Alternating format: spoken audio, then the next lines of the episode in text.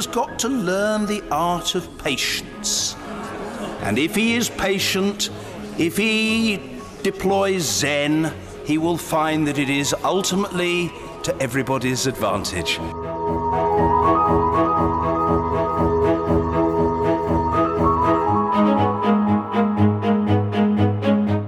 Been a massive squeeze election. I mean, uh, Duverger would be proud um, because uh, in the course of six weeks, the Conservatives are up six points and the Labour Party are up six points. So the gap is exactly the same. But the Liberal Democrats have gone from a genuine third place runner to really far behind and sinking fast. And the Brexit Party have uh, disappeared like a sort of Nigel Farage shaped whoopee cushion that sprung a leak. You've got a Labour held traditional marginal, the question is who loses a bigger chunk of their 2017 vote? Do the Conservatives lose more to the Brexit Party, do Labour lose more to the Lib Dems and the Greens and so forth? And at the moment, the Conservatives seem to be marginally winning that battle. But that could be one of the things where the climate could change in the final week if, in these less Brexity, more socially mixed seats, you know, Labour managed to, to squeeze down uh, their side of the divide as effectively the Conservatives have. Uh, that could pull some of those seats back into the Labour column.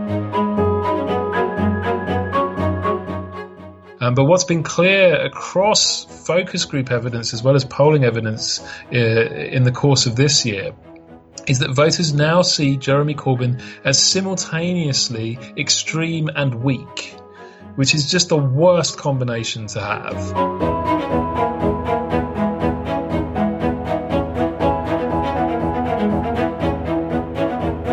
Hi, everyone. Welcome to the SRV podcast. My name is Armin Hakhverdian. I'm a political scientist at the University of Amsterdam.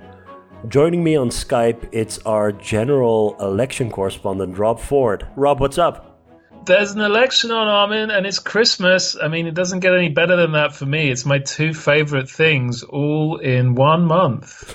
Exactly. And um, so it's Friday evening, uh, just after the final leader debate. We're going to be posting this on Monday morning, so hopefully the weekend's going to be a quiet one. But Yeah. uh, I asked you when you wanted to schedule this, and we were sort of debating before or after the debate. And I thought, you know what? Let's do it after the debate because I want I want you to be wound up. I want you to be sort of in rant mode. You got to give the people what they want, Armin. Yeah, exactly. I know, I know that your core audience is people that just want to hear strange Englishman tirading about his demented nation. Uh, and uh, all I can do is is give the people what they want. Exactly, and they they want. I mean, they wanted some uh, some election preview stuff with Rob Ford. So here it is. Um, let's start with the general campaign up to now. Yeah, You're paying attention to it so that we don't have to. What's been going on thus far? What are the issues? What are the, you know, how's Um, the campaign? Well, the issues, uh, Armin, are that, that we have this thing called Brexit. Um, Hmm. One side wants to get Brexit done, and um, and if we elect them, they will get Brexit done. And if we want economic growth, we need to get Brexit done. And if we want food on the table, we need to get Brexit done. And if we want a functioning NHS, we need to get Brexit done. And on the other side are the people who don't want to get Brexit done. I mean, they, they, do they want um, dither and delay? They want dither and delay, and they also want everyone to have much free stuff. Um, do you, uh, Armin? What is what is your opinion of your current broadband provider? It's too expensive. Would you prefer it if your broadband provider was, for example, the government, and your broadband was free? Uh, sure. Yes, yes, you would like the free stuff. Also, would you like free trains? Yes. Would you like free, uh, I don't know, uh, childcare, free, uh, just name stuff. We'll make it free. That's the other side. So you have get Brexit done side and everything must be free. Don't worry. There are some rich people somewhere that will pay for it. Those are the two offers right now. Am I right in concluding that um, the Tories want to only talk about getting Brexit done and about Brexit and not talk so much about domestic stuff, whereas Labour, it's quite the reverse. They want to diffuse from the Brexit stuff and talk only about domestic stuff. Well, I think the best way of answering this question is to illustrate the kind of campaign stunts that the two sides have been pulling. So essentially, the Tories are going around in big buses that have Get Brexit Done written on them and answer every question with Get Brexit Done. Uh, whereas the Labour Party have been, for example, holding a press conference where they pull out a huge wodge of redacted documents and announce that this is definite proof that the Conservative Party will uh, privatise the entire NHS and begin the process of culling the poor on January the 1st if they're elected. Uh, I mean, you know, you're exactly right. One side wants to talk entirely about Brexit. The other side wants to talk entirely about anything but Brexit. What about the Lib Dems? Yeah, or the SNP? Who, who are they again? Sorry. You you might remember that uh, after you the may remember them from election Yeah. campaigns as the European Parliament of 2019. yeah you might remember them from such features as opinion polls in May. Yeah, they, they have. Um, I mean, it's been a massive squeeze election. I mean, uh, Duverger would be proud um, because uh, in the course of six weeks, the Conservatives are up six points and the Labour Party are up six points. So the gap is exactly the same. But the Liberal Democrats have gone from a genuine third place runner to really far behind and sinking fast. And the Brexit Party have uh, disappeared like a sort of Nigel Farage shaped whoopee cushion that sprung a leak.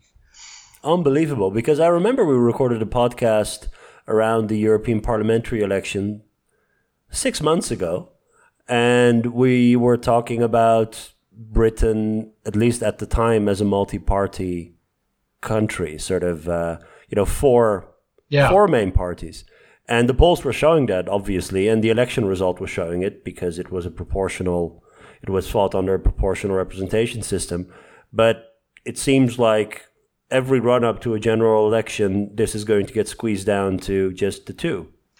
Well, I mean, the, we don't know that it will keep on happening every time because th- this election is a rerun of 2017 in lots and lots of respects. And, and one of the critical respects is that voters are really very aware that there's a binary choice on the table. Either, you know, uh, it, to just coin a phrase off the top of my head, get Brexit done, uh, or stop Where did you get that? Did you just make that up?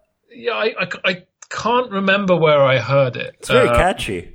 Yeah, it is, isn't it? You know, I might I might use it more often in conversation. Write it Um, down, Rob. Write it down before you forget it. I know, you know, it would be a terrible thing if I forgot that phrase because I definitely won't hear it again in the next week. Um, so you've got the get Brexit done side of the binary or the stop Brexit side of the binary. And voters recognize that those are the two options on offer.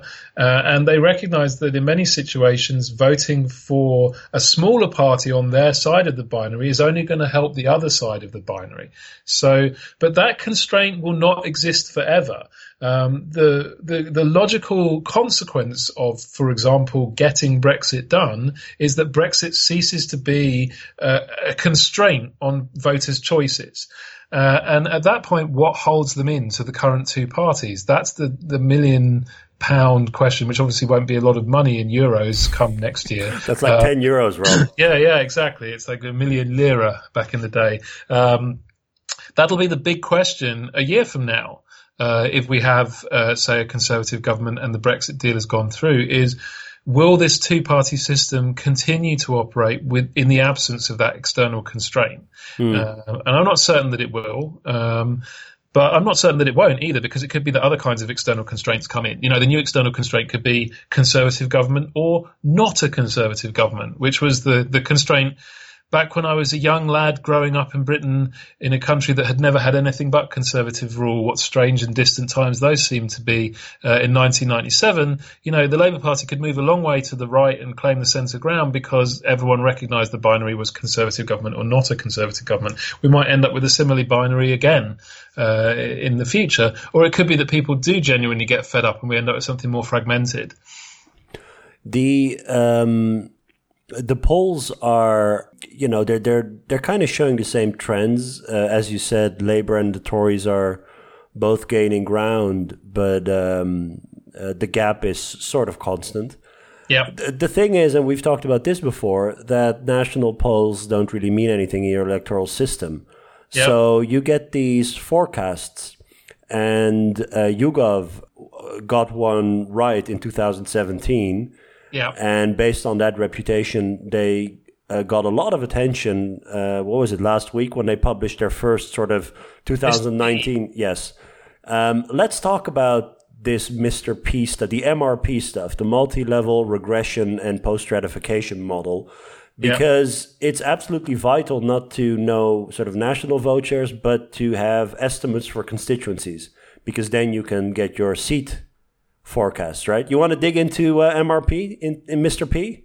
Yeah, Mr. P is the big the big new thing on the scene, uh, and like you say, um, YouGov pioneered this last time round and produced a model that, that made some rather shocking projections, uh, things like Kensington and Canterbury um, going to Labour, uh, and it proved to be uh, pretty accurate. Uh, and so now there's a heck of a lot of attention being paid to it, uh, particularly by people don't really understand what value it adds, um, but think it's like got magical power. Uh, so it's the new sort of every election cycle. I feel where a surprise happens. Uh, one of the consequences of a surprise happens is that somebody or something gets anointed the Wizard of Oz. Uh, and the new Wizard of Oz is whatever or whoever uh, saw the surprise coming either by accident uh, or design. Uh, and that Wizard of Oz then gets disproportionate attention the next time round. And Mr. P is the Wizard of Oz uh, this time round. Um, and you're right. I mean, it's, it's a very sensible and clever technique and YouGov are employing very sensible and clever people uh, to implement it. And if you've got a situation that we have in Britain right now where you've got to first pass the post post electoral system. So just who comes first matters. And you've got a lot of geographical diversity uh, in what sort of people are living in different seats and how they're behaving and how their behavior is changing. This kind of technique is quite good for modeling all of that. What's a little bit unusual though, relative to last time, is that Mr. P is in terms of the total number of seats it's projecting for each party, saying pretty similar things to a lot of the standard polling techniques uh, are saying. And that, that seems to be because the geographical effects of these differentiations in the, the party support bases and how votes are changing are kind of like, um, you know, netting out uh, a lot more this time than perhaps they were last time. So where the parties will win seats, uh, Mr. P might say something different to a standard model, but how many seats they're getting, they seem to be largely agreeing with each other. Uh, so there is an, a, a, certain element of like overexcitement about this in terms of it's not actually saying anything quite so dramatically different to the, the normal polling, uh, and perhaps less so than last time as well. So, you know, it's super valuable and you can make lots of really cool maps and graphs with it, and I'm all for that. Um, but it's not like a magic bullet. Um, not least because if it turns out that there's some sort of systematic problems with the YouGov internet polling sample, Mr. P won't make those go away. They'll still be right, there because it's still based on a uh, a sample of voters. It's just a much larger sample of voters than yeah. any old uh, opinion poll. But um, the the thing with this uh, forecast model, of course, it does what we want to know most if we want to talk about tactical voting is it gives us at the constituency level a sense of where the action is in terms of um, you know marginal seats. That's and and and also for people living in these constituencies i'm assuming if they want to cast a tactical vote they need to know what the vote shares are in their constituency. That the national vote shares are completely useless to them yeah, I mean that that is the theory. Uh, in practice, I think there was a number of reasons to doubt that. It, it, I mean, this is this is how you would want the world to work if you were, say, a Lib Dem activist, um, because Mr. P is giving you good chance in a number of seats. But there's a couple of problems with it.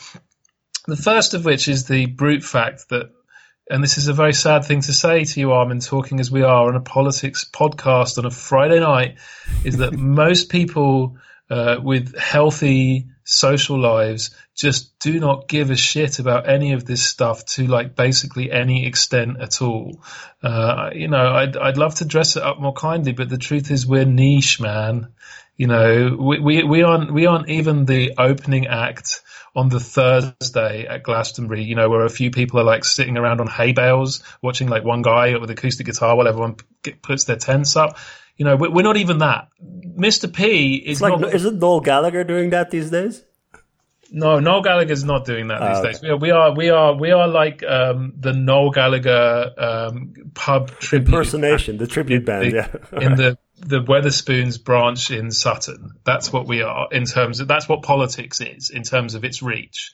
So nobody's going to give a shit about what the MRP says in their seats. They're not going to know what an MRP is. They're not going to know what it says about their seat because they're not paying the level of attention that would be required for them to actually take that information and do anything with it. So that's problem number one. And of course, the parties try and get around that problem by bunging the results of the MRPs onto all of their leaflets and saying that right. those are the local election results. And there's been lots and lots of controversy about the, the parties doing exactly that in lots and lots of seats.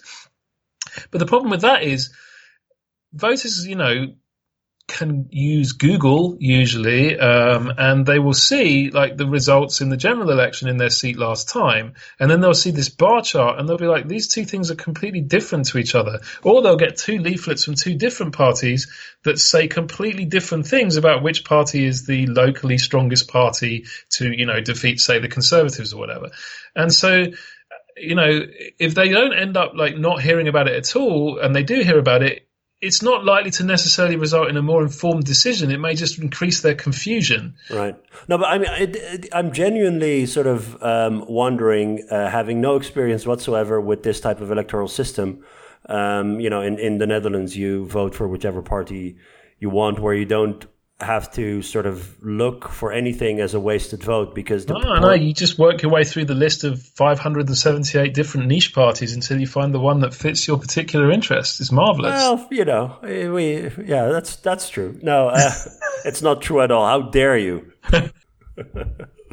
um, but uh, say, I, uh, so is that the way that tactical voting works? Is that then people would look at previous election results? Let's say you want to vote tactical and I'm not talking about your sort of crazy political junkie type. Um, you know, um, uh, I, am talking about the average voter. Let's say that they want to vote tactical. Is the cue they take the previous election results, or what do they do? Or is it the national vote share? What is? Uh, I don't think we know for certain exactly how voters who want to vote tactically go about making this decision process, but I think we can assume with a reasonable degree of confidence that it's not a process they give a great deal of time and effort to. And the more steps that you need to add into this process, the more likely they are to lose interest and stop uh, pursuing this line of thinking.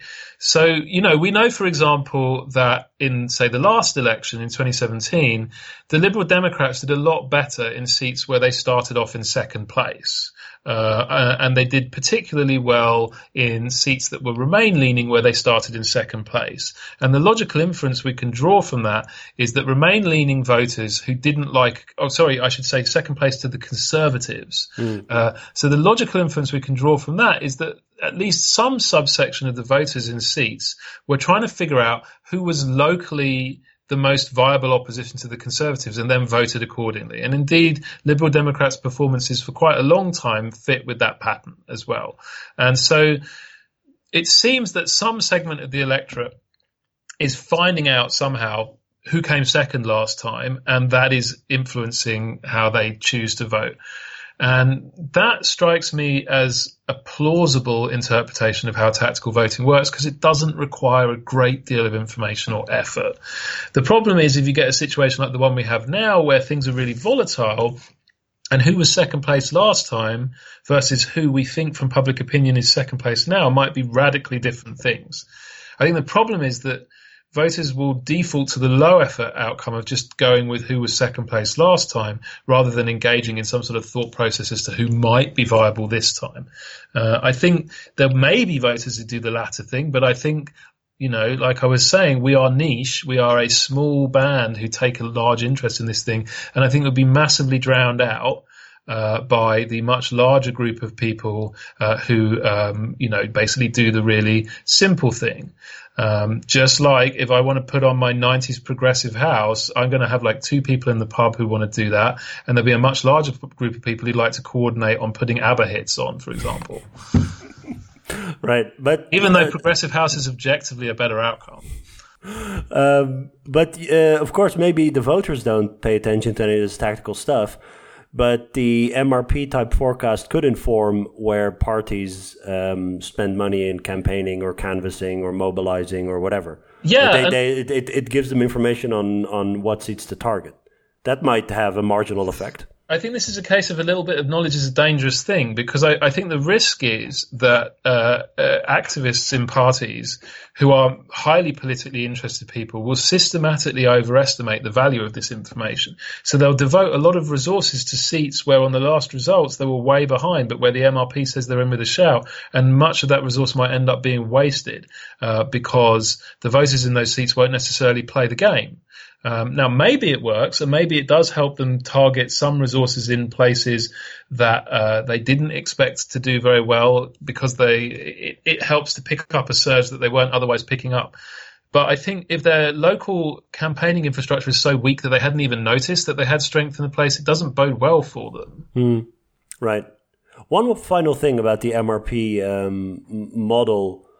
Um, it seems to show. So I think we, we touched upon this last time as well that there are very little actual sort of Labour Lib Dem marginal seats. Yeah. Um, there are some Lib Dem Tory seats, and it seems like the Lib Dems are taking some there, but but not enough. Um, a lot of the action is in Labour Tory marginals, and they seem to mostly be going to the Tories.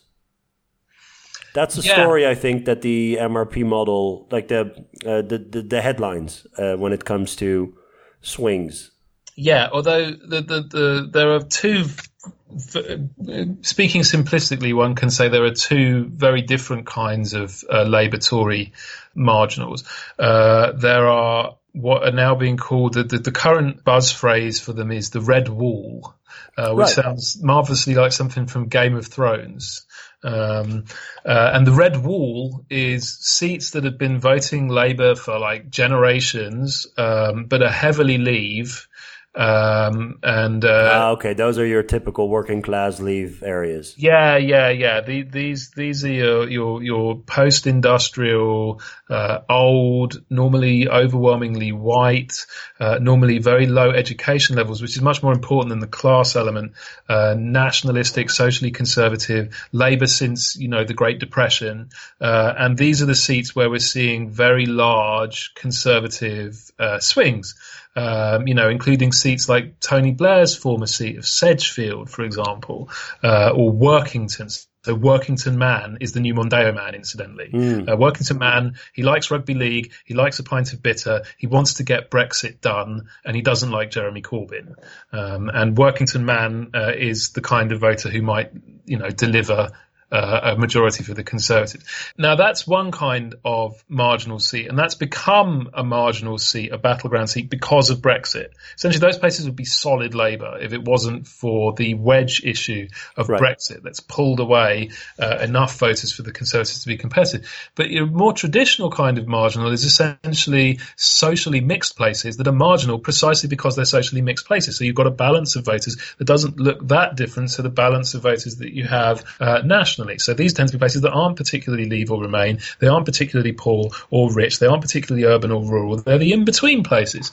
And in those places, the picture from Mr. P uh, and indeed from the general polling is much more mixed. Uh, so there isn't evidence of a particularly substantial swing uh, to the Conservatives in those seats. Um, I mean, it's it's not that there's a swing to Labour either, um, but there it can often be a case of who's squeezing the smaller party better. So if you've got those Labour-held seats, because the Brexit Party is not standing in Tory-held seats, but it is standing in all the Labour-held seats.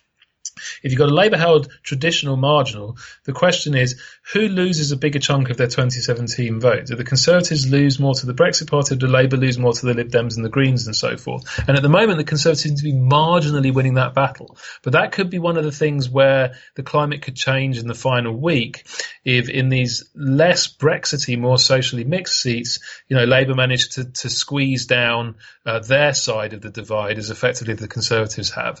Uh, that could pull some of those seats back into the Labour column. So it's two very different kinds of seats and two very different kinds of pictures.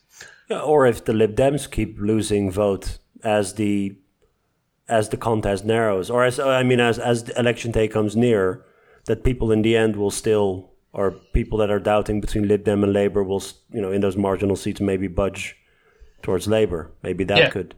Exactly, exactly. It's a sort of a, uh, uh, vicious circle. Uh, as the Lib Dems recede, they look less and less viable, both locally and nationally. So more people think, well, who's my second choice? And for a lot of those voters, the second choice is very often Labour. So you know it, it, that that could kick in. And there's still more capacity for for Labour to make last minute gains on that side of the equation than there is for the Conservatives to further squeeze down the Brexit Party vote because there's very little Brexit Party vote left to squeeze. Yeah. I mean, no, exactly, yeah. The, the Tories are sort of they, they've reached their ceiling more or less. Potentially, yes. Whereas whether or not Labour have reached their ceiling, we don't know, and I think the whole election result could well turn on that. So the Lib Dems, um, I saw one of our colleagues. Um, I think it was Goodwin. He uh, tweeted out some polling numbers on the Lib Dems in particular that they've actually lost both in terms of vote shares as well as uh, so Swinson's um, was his satisfaction rating has dropped. Is it simply a campaign thing that in you know your electoral system it just sucks to be Lib Dem, or are they running a bad campaign, or maybe both? I, I, think it's a little bit of both. Um, I, I, think it always sucks to be Lib Dem in our electoral system. I think particularly because of this very strong polarizing binary that we were talking about before, it makes the squeeze effect stronger um, because you know the idea of accidentally letting in the other side becomes much more unpleasant to people. So they they they they jump off of the third option more easily.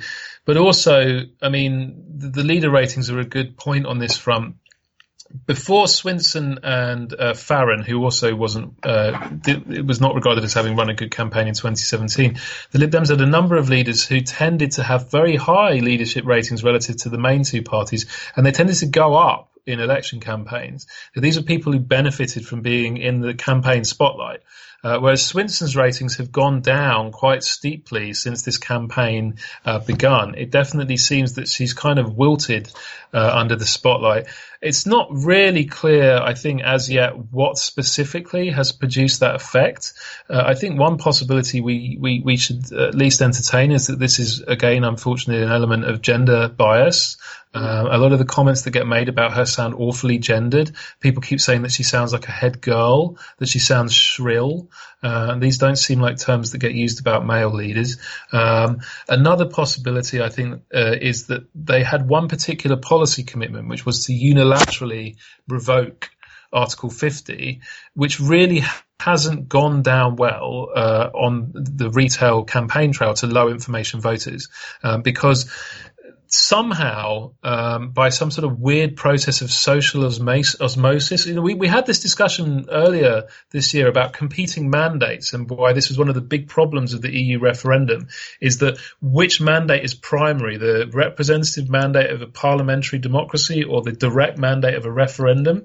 Well, uh, it seems that the British public has come down on the side of the referendum mandate is primary. Um, you know, that in the game of electoral mandate top trumps, you can't override a referendum mandate with a parliamentary majority that's undemocratic. You have to have another referendum because she's been getting a hell of a lot of pushback from voters saying this is undemocratic, this is nonsensical. You can't just ignore what people voted for.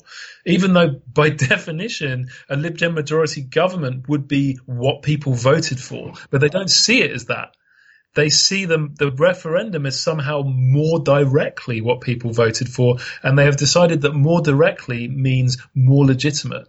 And it will be an interesting PhD for somebody to try and figure out how they have arrived at that conclusion, because I don't think it's necessarily a logical conclusion.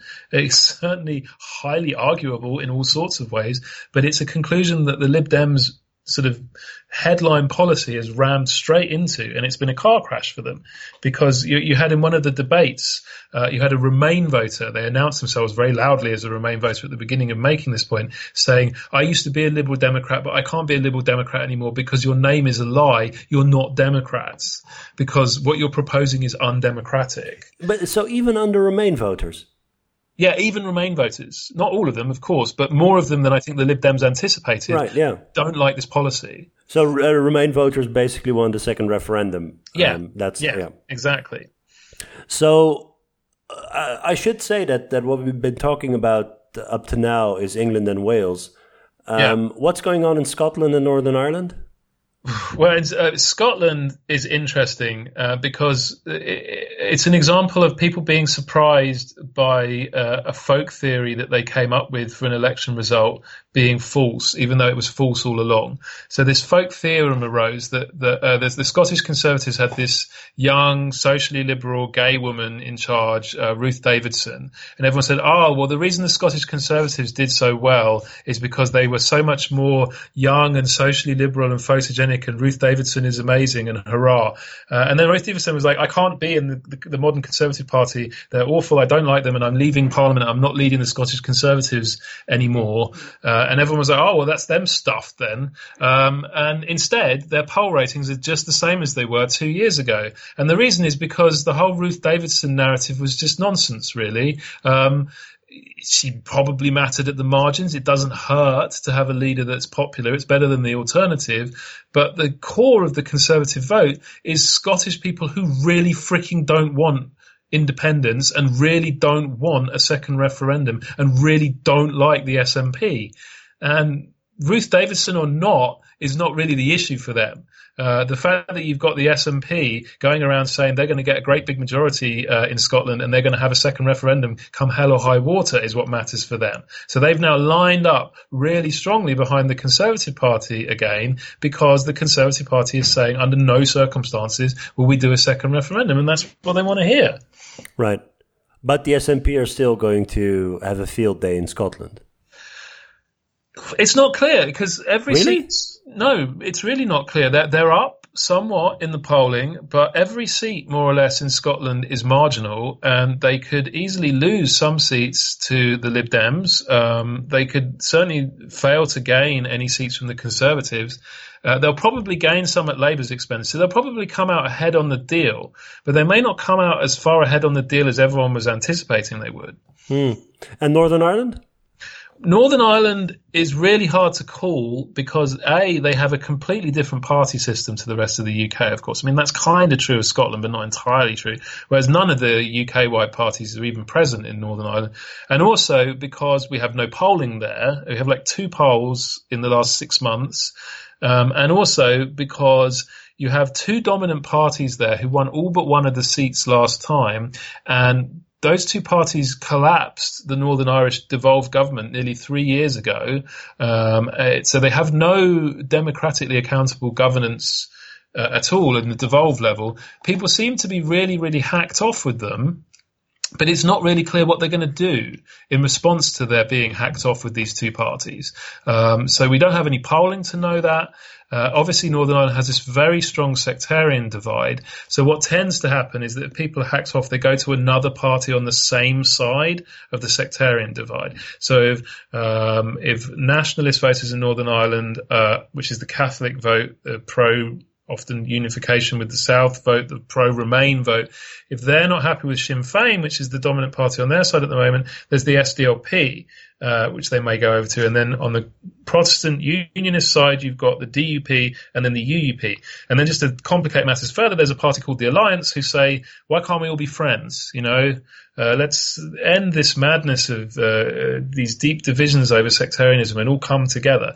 And uh, generally, they don't poll very well, um, depressingly, I guess, for Northern Irish society. Um, but maybe if everyone's really, really hacked off with the ultra sectarian parties, they could be the big beneficiaries. And the truth is, we really don't know uh, because we don't have any polling, uh, nor do we have any devolved elections. Um, and as per usual, there's relatively little media attention being paid to Northern Ireland, despite the fact it's been so extraordinarily pivotal in everything that's happened in the last two years. It's like we spent two years arguing about the Irish border and how important the Irish border is and where's the Irish border going to be, and Brexit entirely depends on this. And then as soon as we have an election, the place that that whole argument is about, everyone just forgets it's there. You know, you can see why they start to get a bit annoyed about this. It's very English. Well, to forget small places, even when they're very important. Uh, yeah, yeah. Ah, a little. If we're bit. not importing our monarchs from them, we don't really care. so um, yeah. Um, you were talking about the leadership uh, ratings, the uh, satisfaction with Yeah. leadership ratings. I have them in front of me, going all the way back to 1983. So every let's say 10 elections, counting 2019, and um, it's basically the leadership uh, ratings of the Labour and Tory leader. Yeah. And so let's play a little game. I'm going to call the two leaders, and you're going to say who was the most popular going into the election. Yeah. Okay. Uh, some of them are going to be really easy. So 1983, Thatcher Foot. Thatcher. Yeah. 1987, uh, Thatcher Kinnock. Thatcher. Yeah. 1992, Major Kinnock. Depends when the poll was done. This was. Don't complicate things. It's the Ipsos Mori poll. I have no idea. Kinnock Ru- led. Kinnock led early in the campaign, but Major was in the head uh, in the lead by the end, I believe. Uh, this must be towards the end then. This is so Major is leading Kinnock, but it's a small margin. Yeah. Uh, 1997, Blair Major. Yeah. n- uh, 2001, Blair Hague. Glorious leader Tony Blair, of course. Yes. 2005, Howard Blair. Howard. Yes. Shocker. An exception. Uh, Blair only featured on campaign leaflet in 2005, which was in his own seat. he still won though. Yeah, yeah, but in a lot of places, I'm not sure they were aware he was still PM. All right, 2010, Cameron Brown. Cameron. Cameron, yeah. 2015, Cameron Miliband. Hell yeah, David Cameron. Yes, this is the closest one in the entire uh, in, the, in in the entire series. 2017, May Corbyn. May, narrowly. May narrowly, yeah. Uh, 2019, Johnson Corbyn. See, I know my onions, Armin. I'm, I'm 10 to 10 here. And Yeah. yeah. it's it's Johnson by a much larger margin than May had over Corbyn, Yeah, and um, despite having pretty negative ratings himself. so incidentally, Jeremy Corbyn is the most unpopular leader of a major party heading into an election since the data was first recorded. That was also true of him in 2017, as Labour politicians are often keen to point out. Um, Well, but There was a great there was a great interview that one of them did. This this guy called Richard Burgon, who who isn't regarded as necessarily one of the sharpest tools in the Labour drawer. Uh, and uh, Kay Burley from Sky was interviewing him and said like Jeremy Corbyn's the most unpopular leader ever going into an election campaign, and th- doesn't that mean you're going to lose? And Richard Burgon went, yeah, but that was true last time, and look what happened. And she went, yeah, you lost. yeah, no, exactly. People seem to forget that in 2017, they get actually. losing bit. Yeah. Um, I think this is record. So it, it says immediately before the general election. Yeah, so this must be the because I'm looking at these leadership ratings, and I want to hear your take on why Corbyn is so historically unpopular. But for um, it seems like the Tory leaders going into the election are much more popular than the Labour ones. It's Blair's the only one who could uh, top the, uh, the, the, the yeah, but we've his not got ratings on Wilson or Callaghan, so you know you're you. Well, yeah, I mean, but this is from 1983, right? You want to go back to Wilson and Callaghan? Exactly. Hmm. You know, you're, you're truncating the sample, man. You're leaving out some of the best Labour politicians. Wilson, uh, I just uh, incident as you were watching the the leadership debate, I was watching the third season of The Crown, and Oh, uh, yes, Wilson, uh, I, I just watched the episode where he got his ass handed to him by Heath. Yeah, that was that was Spoiler that, alert, by the way, for people who haven't. That was that was all Enoch Powell's doing, though. It wasn't he. Um, so Corbyn, uh, Yeah. You've done some, uh, you've published some research on uh, on his uh, um, leadership ratings, Have I? um, haven't you? What day is this? I've, I've tweeted about them. I'm not sure if that counts as published research. Hang on, I'm going to fire up the old Google Scholar. Are you publishing under Rob Ford or Robert? Um, Rob, either I've, interchangeably. Rob Ford, Easy. Let me see. I might have written blogs on it. Oh, here you go. Oh no, wait. This was okay. This was maybe not. Well, it, it has to do with Corbyn, I suppose. It's called "Political Realignment of British Jews: Testing Competing Explanations." Oh yeah, yeah, yeah. But that's just Jewish voters. I mean, they are like less than one percent of the electorate. Ah, okay. Yeah, that was with my PhD student Andrew Barclay. Hang on. Yeah, and with Maria. So, um, Yeah, yeah. okay. yeah, that was that was about why uh, among British Jews Corbyn was so unpopular. Well, it was why why British Jewish voters no longer support Labour, and the answer is because they really don't like Jeremy Corbyn. Um, Okay. So Yeah. let's generalize from that to the uh, general electorate. Why do they dislike Corbyn so much? um, well, I think that there are t- broadly, you know, leaders are heuristics, right, Armin? And, you know, there's obviously a big debate about the degree to which anything with leaders is just endogenous. Like, is there value added here or not? But if I was going to be like really sort of arm wavy about it, I'd say that there's two ways in which leaders can add kind of value to a party's brand. Um, one is to be broadly popular, to be seen as more in touch with the average voter um, than the party itself, which often means being, say, more moderate, um, more pragmatic, um, more, you know, empathetic, more emotionally engaged, and so on. It's this sort of Blair Obama route and the other is to be seen as divisive and ideological, but seen as decisive and strong as well. So that's the kind of Thatcher Churchill type route to being, uh, you know, a, par- a party leader that adds value. And the problem is that Jeremy Corbyn is in exactly the opposite part of the graph to where you'd want to be. Um, so he is not seen as moderate or in touch with the average voter's concerns, um, but he is also not seen as strong and with a clear, like decisive understanding of where he wants to be. And in this respect, it's a bit different to 2017, where he was also seen as, you know, not more moderate than his party, but more extreme than his party. But he was seen as decisive and principled. So people were giving him credit for that. You know, you knew what Jeremy Corbyn stood for. Um, but what's been clear across focus group evidence as well as polling evidence uh, in the course of this year is that voters now see Jeremy Corbyn as simultaneously extreme and weak which is just the worst combination to have. Um, you know, you're both like full of crazy ideas, but you also can't even like, you know, run a piss up in a brewery. Um, you know, and people really dislike that combination very strongly. Um, you know, and it come, it comes up all the time in terms of discussion of Corbyn, particularly in these so-called red wall seats, which are often seats where you've got voters who are economically left wing, but authoritarian so a combination of strong left wing principles but decisive actually chimes quite well with them. But a combination of strongly left wing, socially and economically anti Brexit and weak, they don't like it. Um, and so he's tanking.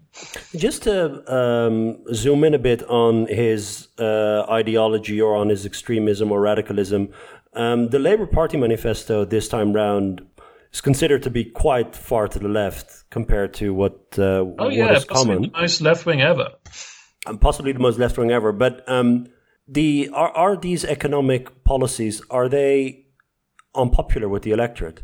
No, because where I mean, one of the stunning things is that the Tories have been in power since 2010. They have implemented severe austerity politics there's been this Brexit um, um, mess that they've caused and all sorts of stuff. And Labour has not been able to bank on either one of them, uh, of those policy failures. Uh, whereas it seems like at the least the economic profile of Corbyn should resonate with large swaths of the electorate. Yeah, I mean, it kind of did last time, and that was possibly one of the things that helped them to make an advance. But a couple of things are different this time. The, f- the first is that the Conservatives but they haven't been able to draw a stronger contrast with the Conservatives because the Conservatives are also making various not very well specified promises to spend more money on things people like. Uh, so it kind of neutralizes the relative advantage there. Um, how sec- credible are they when it comes yeah, to the, the, the point is, if, if you're wandering around promising free money for everybody, your credibility to critique anybody else's credibility is pretty limited. Um, so, you know, some people may doubt the Conservatives' promises, but they'll doubt the Labour promises even more. That's the, that's the other problem is that, you know, you can promise lots of nice stuff and people will say, yes, I would like that nice stuff. But if they don't think you're going to be competent enough to deliver it, they're not really going to take those promises very seriously. Um, so that's a problem Labour have. Another problem they are have you gonna, Are you going to come up with, with, with a valence argument, Rob? Well, it is a kind of valence argument, yeah. Um, Labour are seen to be very, very weak on essentially every measure of competence. So people don't think that this stuff will be delivered, um, or if it's delivered, it will not be uh, delivered in uh, in the sort of gloriously high quality, low cost form that it's being marketed to them. They just discount it. They don't think that they're going to get that bill of goods if Labour gets in. But the other problem they have is that a lot of voters are just not hearing about this stuff at all. Yeah, right, exactly. I mean, uh, yeah. So of course, I mean, Brexit is is yeah, Brexit, Brexit is Brexit is one reason, but another reason is is is internal arguments in the Labour Party uh, about Brexit, uh, about anti-Semitism, about Corbyn.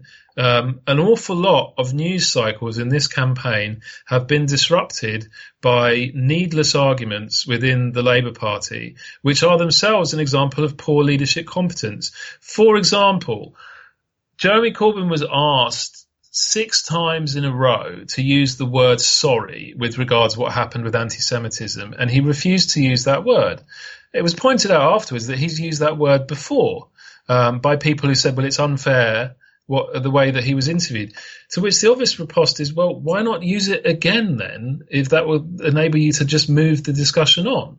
Um, but he didn't do that. Um, we've also had just a couple of days ago an entire day's news, and you know, Labour will say a lot of the print media in Britain is right wing. That's definitely true, of course. But you know, if you know that, don't give them freebies.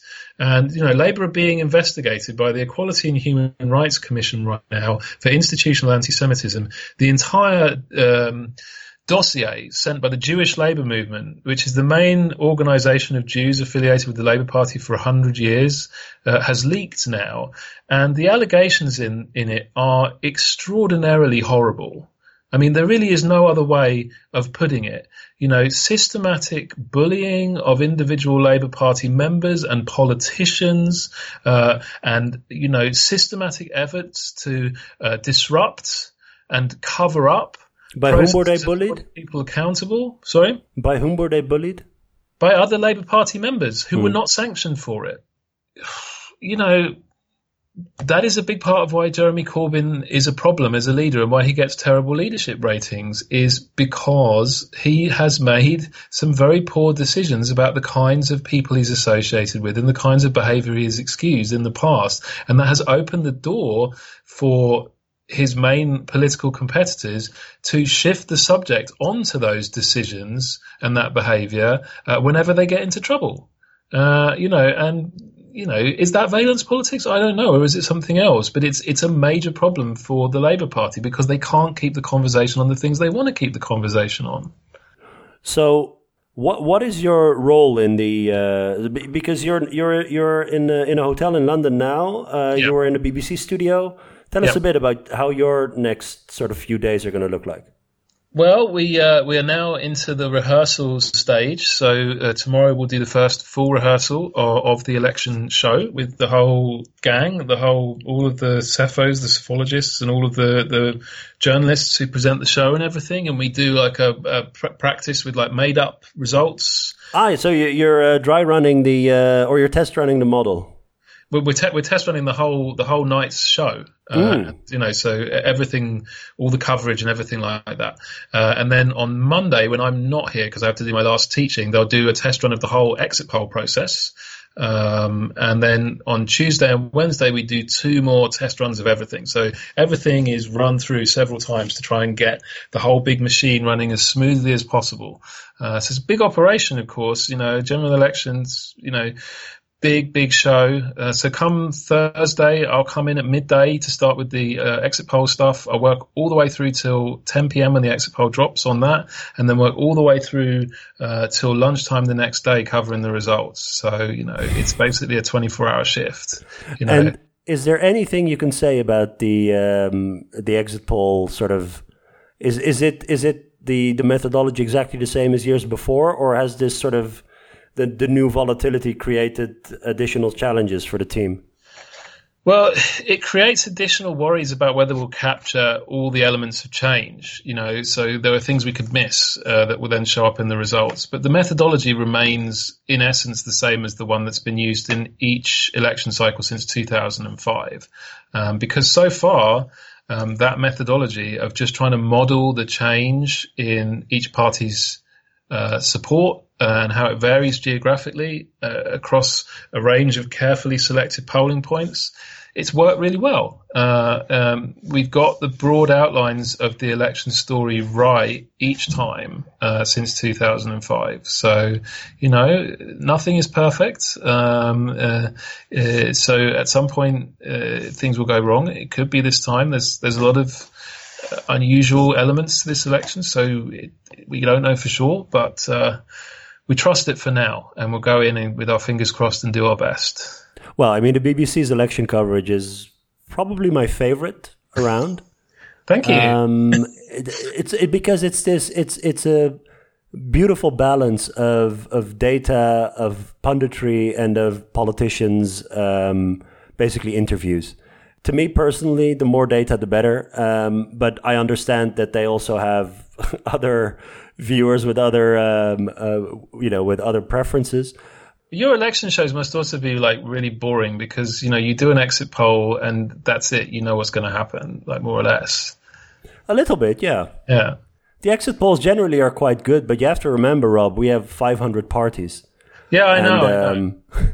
But you know, does does it make a big difference if the the the the, the party for long-haired cats gets an extra seat at the expense of the party for small dogs?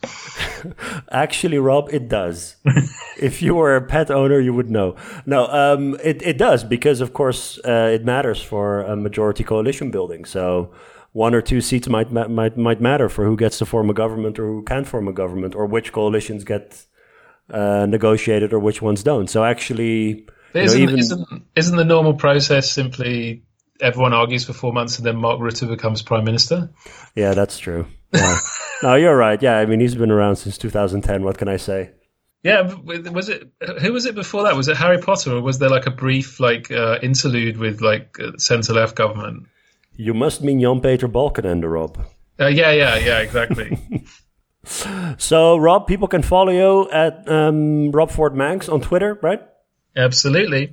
Incidentally, this was um, episode number 50 of the Oh. SRV podcast. This is Congratulations. an anniversary episode, yeah. Oh, SRV.